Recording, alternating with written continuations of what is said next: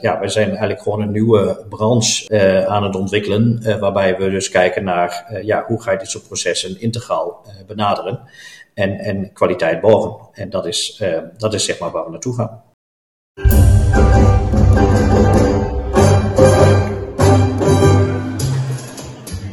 Sprex is de podcast waarin ik praat met experts over impact. Mensen met jaren ervaring of jong professionals die elke dag het beste geven om zichzelf en de wereld te verbeteren. Verwacht verrassende gesprekken over ondernemen, groeien en marketing met concrete ideeën en inzichten om zelf impact te maken. Ik deel in de podcast ook mijn mening, advies en tips. En ik ben Saskia de Jong, marketeer en mediamaker. In deze Spreks podcast praat ik met Harry Beernink. Hij is milieu- en energieadviseur onder de naam Groener Bouwen. In de zakelijke markt en voor particulieren. En hij werkt in bouwprojecten mee en is ook actief op het gebied van beleidsontwikkeling. En bijzonder is dat hij gebruik maakt van kennis en ontwikkelingen in Nederland en Duitsland, waar hij al 20 jaar woont. Harry is sterk geworteld in het grensgebied van de Achterhoek en maakt daardoor gebruik van de sterke punten van de bouw in zowel Nederland als Duitsland. In lokale en ook grensoverschrijdende projecten. En concepten zoals BANG, passief bouwen, biobased bouwen, dat zijn begrippen die dagelijks in zijn werk aan de orde komen. En Harry en ik kennen elkaar doordat we beide lid zijn van DNA in de Bouw, de Vereniging van Ondernemers in de Duurzame Bouw. En in deze Spreks podcast praten we over hoe de bouwprofessional zijn grip op het bouwproces versterkt door gebruik te maken van simulatiesoftware. En die Duitsers, die zijn daarin een heel goed voorbeeld, heb ik begrepen van Harry. Nou, hallo Harry, welkom bij mij in de podcast. Ja, goedendag Saskia. Fijn dat je mij uitgenodigd hebt voor deze podcast. Ja, leuk. En ja, we trappen eigenlijk altijd af met de vraag van, maak jij impact? Uh, jazeker maak ik impact uh, door het gebruik te maken van technieken, kennis, know-how. Je zegt het al even, wat vooral ook in Duitsland uh, beschikbaar is. En ondersteun daar mijn klanten met de nieuwste kennis en know-how. En dan moet je denken aan het verlagen van bouwkosten, het verbeteren van comfort, een gezondere leefomgeving. Kort gezegd, kosten, milieu-impact, alle zaken horen erbij. En het belangrijkste thema daarbij is natuurlijk uh, het passief bouwen, biobased. Uh, maar uh, wij gebruiken daar tools voor die natuurlijk heel breed ingezet worden. Ja, en dat zijn natuurlijk echt de thema's vandaag de dag. En het ja, is ook gelijk eigenlijk het linkje naar waarmee ik misschien gelijk de knuppel in het hoenderhok mee gooi. En jij bent er sterk van overtuigd dat Duitsland veel verder is met toekomstgericht bouwen dan Nederland. En wat doen ze daar nou zo goed? Of ja, hoe komt het dat ze dat zo goed doen? Nou ja, ten eerste zijn zij veel vroeger begonnen aan dit proces. Als je kijkt, in Duitsland is het bijvoorbeeld het eerste passiefhuisgebouw uh, is al 30 jaar of ruim 30 jaar oud. Uh, men heeft daar uh, veel langer ingezet op het onafhankelijk maken van energie, vooral energie uit het buitenland. Dat is in de laatste 10, 15 jaar natuurlijk weer een beetje teruggedraaid onder uh, de politiek uh, Merkel, uh, waarbij men vooral heeft gekeken naar gas uit Rusland. Dat was natuurlijk goedkope energie. daarin heeft Nederland in de laatste jaren natuurlijk een enorme inhaalrace gemaakt. maar uiteindelijk is het wel zo dat duurzaam bouwen en biologisch bouwen eigenlijk in Duitsland al vrij lang is ingezet als toekomstige manier van bouwen. Ja, dus dat betekent dat zij daar al veel langer, veel meer ervaring mee hebben dan, uh, dan wij in ons landje. Klopt. Want daar, ja. daar komt het dan dus eigenlijk door dat ze gewoon langer meedraaien op dat uh, gebied. Ja, daar komt, daar komt bij, ik moet er nog even iets aan toevoegen, er komt bij dat natuurlijk de structuur in het proces ook anders is. Uh, we zien bijvoorbeeld dat de verantwoordelijkheid van de architect een belangrijke rol speelt in een stukje kwaliteitsborging. Maar daar komen we straks nog even op terug, want dat is denk ik wel zo belangrijk om dat even vooraf te zeggen. Ja, ja de positie en de rol van de architect is natuurlijk heel anders in Duitsland dan in Nederland. Hè? Ja, ja. Ja, ja. ja en het, resultaat van uh, die andere manier van, van bouwen, hè, dus veel duurzamer bouwen, die, is, hè, die leidt dus eigenlijk dan tot een, tot een betere kwaliteit, maar leidt ook tot ja, een, een, uh, een stukje besparing, hè? dat het goedkoper kan. En, en jij zei van uh, in de voorbereiding die wij samen hadden van ja, dat doe je dus inderdaad en dat doen ze daar dan dus in Duitsland ook door ja, hun grip op het bouwproces te verstevigen. Hè? hoe, hoe krijgen ze dat nou eigenlijk voor elkaar? Hoe doen ze dat? Ja, ze maken vooral gebruik van uh, de nieuwste technieken. Um, kijk, wij hebben in Nederland natuurlijk de situatie dat we vooral kijken naar het bouwbesluit en dat we aan de minimale eisen moeten voldoen. Maar het kan natuurlijk zo zijn uh, dat een klant veel hogere eisen stelt, wat in Duitsland eigenlijk uh, ja, standaard is. Men bouwt niet voor het verleden, men bouwt voor de toekomst. Een gebouw moet 30 tot 100 jaar als verharren blijven staan. Uh, dus men maakt daar ook gebruik van de nieuwste technieken, omdat men daar ook op afgerekend wordt. Dus je wil van tevoren met simulaties, met uh, hulptechnieken, uh, software, wil je begrip krijgen op het hele proces. En daarmee kun je uiteindelijk al een digitaal gebouw bouwen, waarbij je alle aspecten van kosten, energie, uh, comfort vroegtijdig uh, in kaart brengt. En dat je daar ook bewuste keuzes in kunt maken, hoe je uiteindelijk um, ja, een betaalbaar gebouw kunt uh, realiseren. Ja, ja en dat, dat heeft dus te maken ook met het feit dat ze sowieso al langer bezig zijn met, met, met de duurzaamheid, met, met duurzaam bouwen.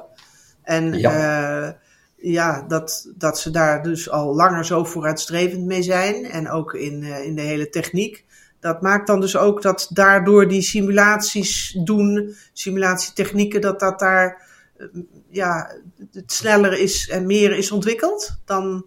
Ja, ja, uiteindelijk is het zo dat je met zo'n simulatie kun je natuurlijk um, um, ja, veel vroeger in het proces uh, keuzes maken. Um, we zien in ons proces dat we vaak wel uh, 5 tot 20 procent uh, kosten kunnen reduceren. En dat is een beetje afhankelijk van een verschuiving vaak van, uh, van een stukje installatietechniek naar bouwkundige oplossingen, zodat je installatietechnisch zeg maar, daar weer uh, kosten kunt uh, besparen. Dus er zijn echt wel enorme mogelijkheden die daar te gebruiken zijn. Um, dus de, daar gebruiken ze de softwarepakketten voor. De beste pakketten zijn natuurlijk ja, allemaal BIM ondersteund. Maar je moet er ook voorstellen dat het um, 3D-modellen zijn die intelligente uh, componenten hebben.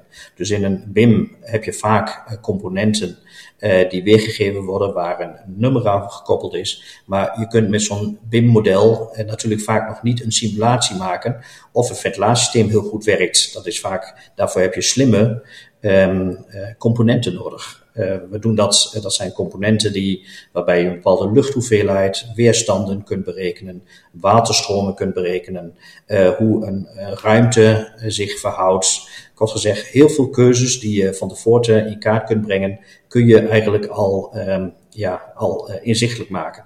En in principe betekent dat niks anders dat je eigenlijk um, ja, een gebouw zeg maar, al helemaal in een 3D-model bouwt. Dus alle componenten zitten daarin. Ja, ja, en dat is dus, want dat is met BIM dan uh, ook, hè, is dat ook van ja. tevoren uh, digitaal um, in kaart gebracht en ontwikkeld. Maar hier zit nog, zitten extra functionaliteiten in feite aan, doordat je dus ook uitkomsten en ervaringen en hoe iets werkt, dus ook van tevoren kunt ja, berekenen eigenlijk en ja, analyseren. Ja, ja precies. Ja. ja. En dat doen wij in Nederland niet.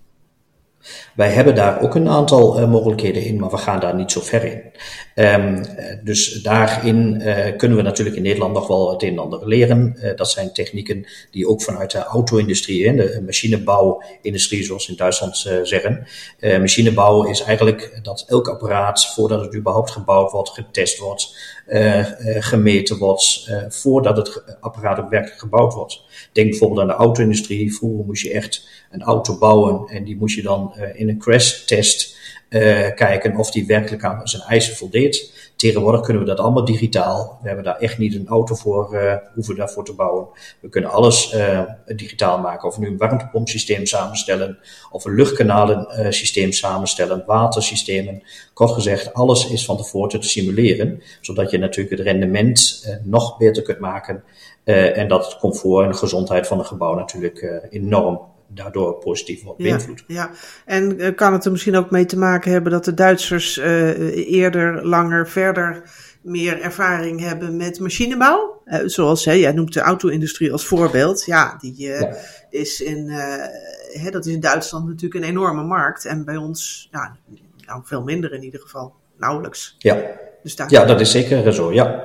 Het is zo dat ja, we hebben de machinebouw in Duitsland is natuurlijk een ontwikkeling um, ja, waar Duitsland ook bekend om staat wereldwijd.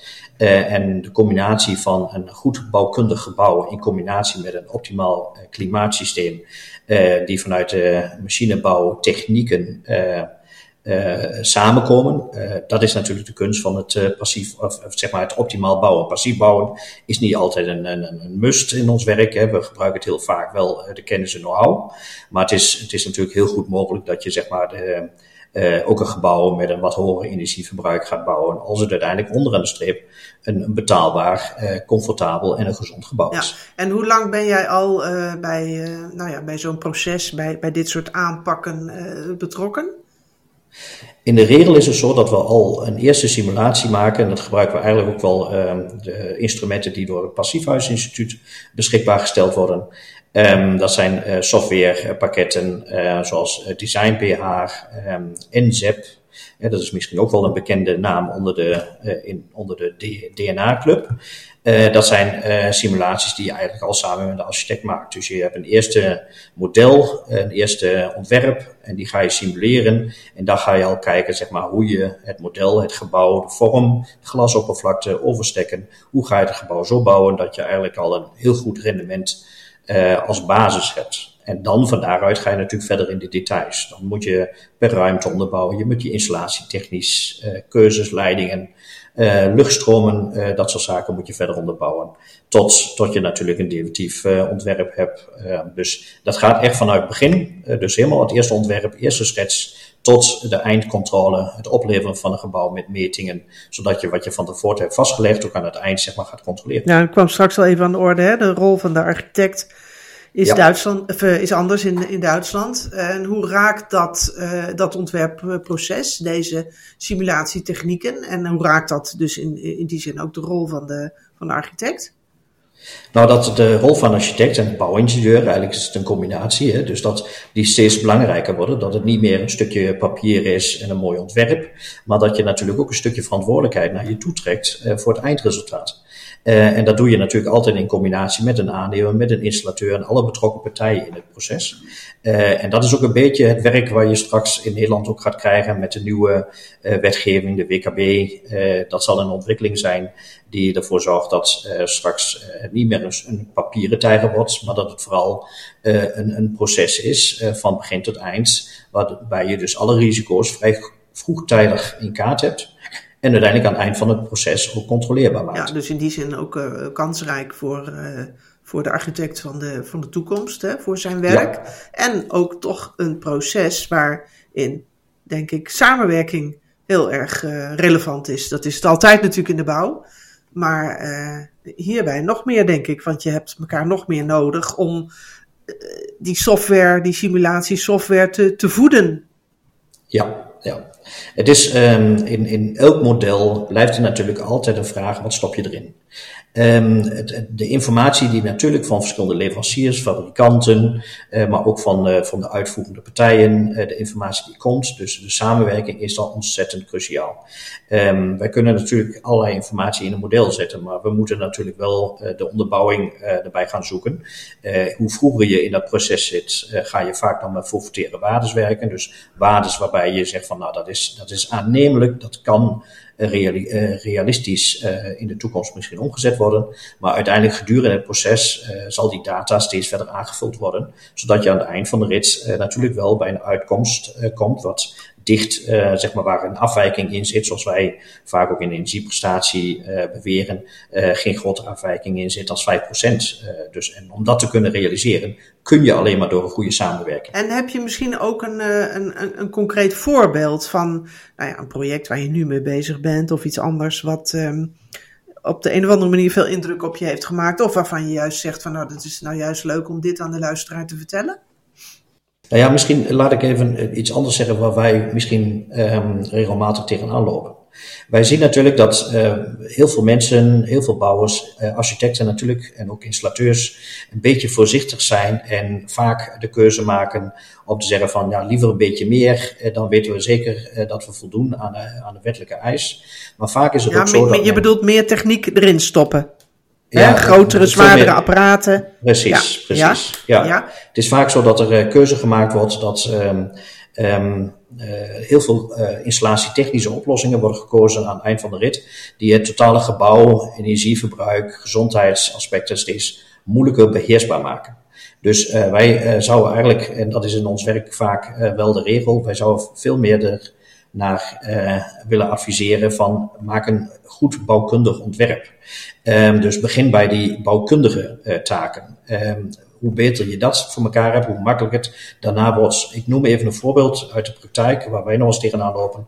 Is bijvoorbeeld een woning, uh, vrijstaande woning. Dan krijgen we een mooi ontwerp. En dan zien we net even wat kleine verschillen, waardoor we denken van ja, dat zal met een kleine, kleine, hele kleine investering kun je dit soort bouwkundige oplossingen kiezen. En we kunnen vervolgens um, in de installatiekosten radicale besparing maken. Zo hebben we onlangs een woning in het noorden van het land, uh, hebben we op de installatiekosten bijna 50% bespaard. Dus van de 2 ton ging terug naar 1 ton. Dat was, um, en dat zijn nogal uh, kosten uh, die je daardoor kunt besparen door andere bouwkundige keuzes te maken. In de bouwkundige keuzes hebben we wat extra moeten doen. En we hebben vervolgens natuurlijk ons werk uh, daarvoor moeten uh, doen. Maar uiteindelijk onderaan een streep hebben we een besparing gerealiseerd van 75.000 euro op het totale uh, installatiekosten. En dat zijn voorbeelden die we regelmatig tegenkomen. En dat heeft ook een beetje te maken dat we natuurlijk allemaal partijen hebben die um, graag zeker willen zijn dat het, dat het werkt. Hè? En niemand heeft zeg maar een overkoepelend beeld daarbij. En dan is het vaak zo dat er technieken um, uh, ingezet worden of, of uh, normen uh, waarbij bepaalde zaken worden doorgerekend die een beetje achterhaald zijn. en dat maakt ook dat het bouwen onnodig duur maakt, wat eigenlijk helemaal niet nodig is. Ja, ja, dus het heeft ook alles te maken met kennisontwikkeling, met bijblijven met nieuwe technieken en innovaties. Hè? Zodat je dus als bouwpartij ja, goed op de hoogte bent van wat er moet en wat er kan zodat je uiteindelijk naar dat optimale resultaat toe kunt en dus hè, geld kunt besparen. Dus in, zo, zo in het voorbeeld van wat jij net vertelde. Ja, ja, ja. ja. Ik vind misschien uh, ook wel een mooi voorbeeld, uh, zeg maar de software waar we bijvoorbeeld mee werken, uh, is bijvoorbeeld een, een, een, ontwikkeling die ook veel in de scheepbouw gebruikt wordt. Alle grote cruiseschepen worden daarmee ontwikkeld. Dus het, is ook, het zijn ook vaak zeg maar zo tools die vanuit de praktijk al heel veel ervaring hebben wij bijvoorbeeld wat je ook toe kunt passen bij een utiliteitsgebouw, maar ook bij woningbouw wel. Ik bedoel, de, de software en de simulatiemodellen zijn niet uh, of je nu een kleine tuin, uh, tuinhuisje wil bouwen of je wil een gigantisch groot complex of een, zo'n zo schip bouwen. Um, ik bedoel, de, de, instrumenten, die, die, daar is de grootte niet bepalend. je kunt daarmee dus al vrij vroeg dit soort processen tackelen. En dat maakt het ook weer zo mooi. Um, dat je uh, ja, dat je weet zeg maar, dat die technieken ook klaar zijn voor de toekomst. Uh, ook zelfs in Duitsland merken we dat het in de praktijk niet altijd nog toegepast wordt. Maar we zien wel een heel duidelijke verschuiving. Omdat uh, de bouwkosten natuurlijk een steeds belangrijke rol gaan spelen. Het, wordt allemaal duurder. rentekosten zijn omhoog gegaan, waardoor bouwen nog duurder wordt. Um, en, en natuurlijk ook de, de kosten, de gebruikskosten, energiekosten spelen natuurlijk een steeds belangrijke rol. Ook nu, maar ook in de toekomst. Dus um, daar bewust mee om te gaan, dat, is, dat wordt in de toekomst een, verdienmodel. En het zijn uh, computermodellen, uh, ja, een, een, nieuwe manier om, uh, om, om te bouwen. En besteedt men dat dan uit of zijn daar nieuwe bedrijven door ontstaan en nieuwe functies ook in, hè, in, het, in het samenwerken voor een bouwproject? Zijn daar nieuwe functies door ontstaan? Of, of doet men dat in eigen huis, de, de bouwpartners die al bestonden? Of hoe, hoe nou, werkt ja, dat? Het is, ja, kijk, uh, de, de, wij, wij ondersteunen, zeg maar, wij staan eigenlijk een beetje naast, uh, voor ongeveer 70 tot 80 procent van ons werk staan we naast de architect. Um, wij maken die uh, met de architect, zeg maar, de eerste analyses, we maken daar berekeningen op. We besteden dat niet uit, omdat um, het is een behoorlijke investering om uh, al die uh, instrumenten in huis te hebben. We moeten daar mensen ook voor opleiden, dus dat gaan vaak uh, ja, maanden studie aan vooraf om überhaupt te kunnen werken. En heb je het eenmaal in huis, dan kun je natuurlijk ook een verschil maken. Um, dat is een beetje, wij kunnen dat niet uitbesteden omdat het voor ons zeg maar Ehm, ja, er zijn nog weinig partijen, laat ik het zo zeggen, die er ook werkelijk mee werken. Dus het is ook zo een beetje moeilijk om, om de passende partijen te vinden. Ja, dus maar, maar ik bedoel ook te vragen, een, een architect pakt dit op deze manier niet op. Een, een aannemer doet dat ook niet en een installateur ook niet. Dus in die zin is er een, een, ja, een nieuw type ehm, specialist bijgekomen hè, die dit doet. ja, ja. ja, ja. Eigenlijk is het uh, ja, een beetje wat de, de, de constructeur doet, doen wij natuurlijk op het gebied van het hele energievraagstuk.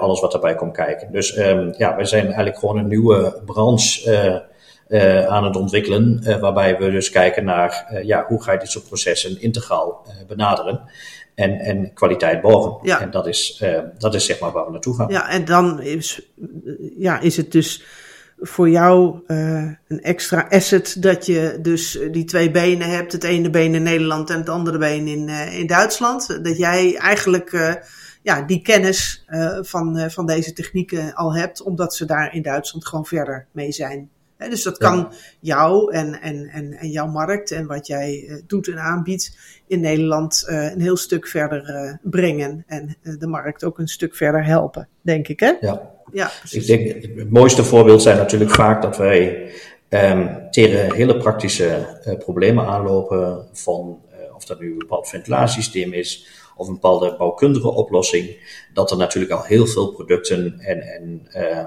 technieken zijn die in het buitenland al meerdere jaren zeg maar, toegepast worden. of dat nu zeg maar, of je nu met, met hout gaat bouwen of met, met met, met vlas of met wat van uh, bouwmaterialen, wat in de toekomst natuurlijk steeds meer relevant gaat worden. Um, daar zijn natuurlijk ook al heel veel praktische oplossingen waar ook al heel veel jaren zeg maar, aan gewerkt wordt in Duitsland. Uh, dus we kunnen heel makkelijk soms even schakelen en kijken van oké, wat is daar aan kennis, wat, is daar aan mogelijk, wat zijn daar aan mogelijkheden, praktische oplossingen en die kunnen we dan in zo'n proces inbrengen. Ja, ja.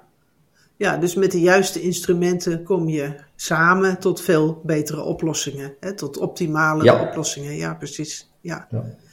Um, en, en, dat is dus ook met name het belangrijkste resultaat van, uh, van, uh, van simuleren, denk ik. Hè? Ja, ja, ja, klopt. Ja. En uh, ja, tot slot, heb jij een concreet advies of, of een tip voor de luisteraar? Hè? Waarom zouden we in Nederland ook meer moeten gaan simuleren in de bouw? Um, nou, omdat wij uiteindelijk um, naar de toekomst toe uh, meer controle willen hebben op het proces. Dat gaat ons natuurlijk uh, via de WKB ook een beetje ja, opgelegd wordt worden. Ons, zeg maar, ja. precies, wordt het wettelijk, wettelijk ook ja, steeds meer opgelegd. dus we krijgen een duidelijke verschuiving. Um, en kijk dan niet naar het minimale bouwbesluit. Dat is natuurlijk altijd, dat staat eh, buiten kijf, dat dat altijd even gecheckt moet worden of het daaraan moet voldoen. Maar kijk vooral naar de prestaties uh, en gaat het ook controleren en meten. Want uh, je ziet vaak zo dat ook een simulatie, hoe goed een simulatie ook is, wanneer de getallen die erin komen niet de goede getallen zijn, dan blijft zo'n simulatie natuurlijk altijd een beetje gevoelig. Dus je moet wel inhoudelijk weten wat je daar aan getallen gaat veranderen.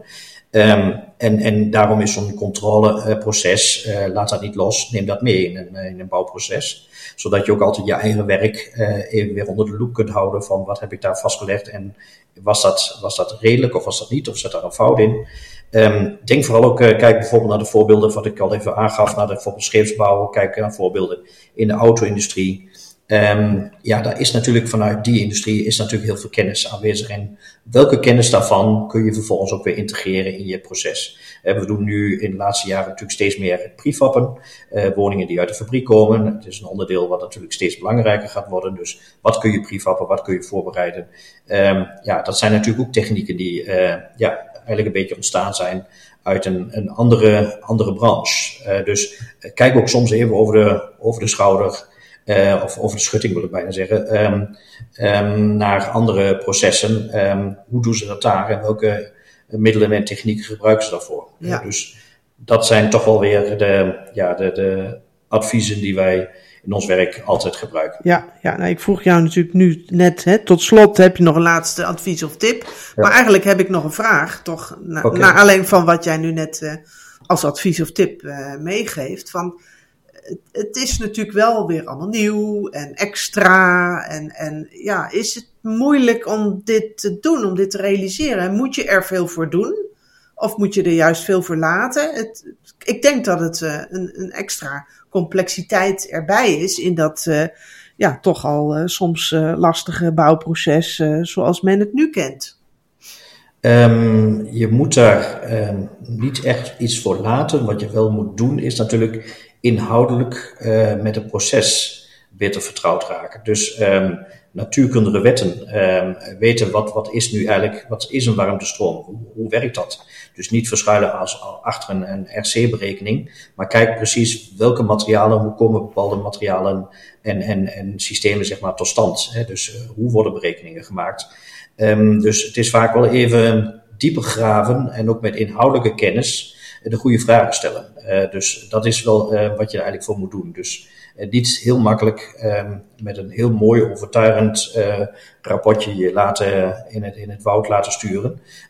dat is vaak wat in Nederland vind ik nog wel regelmatig gebeurt. Dat er hele goede bedoelingen zijn van, van verschillende leveranciers of van verschillende fabrikanten. waarbij um, heel veel partijen het heel makkelijk uh, als, als waarheid aannemen. Uh, waar uh, iemand die inhoudelijk weet hoe bepaalde processen werken, daar niet zo snel van, van meegaat of daarin meegaat. Dus probeer um, ja, je wel inhoudelijk verder te scholen. Ja, en uiteindelijk dan dus ook met de juiste mensen daarvoor samen te werken. Precies. ja. ja. ja. Nou, Harry, mag ik je hartelijk danken voor het gesprek. Ja, ik vond het een prettig gesprek. Ja, en heel interessant. Dank, ja. Dankjewel. Graag gedaan. Met de juiste innovatieve instrumenten kom je samen tot optimale oplossingen waar de maatschappij vandaag de dag om vraagt. En tot oplossingen die de markt verder helpen. Dat is toch wel de rode draad in het gesprek met Harry Beernink in deze podcast.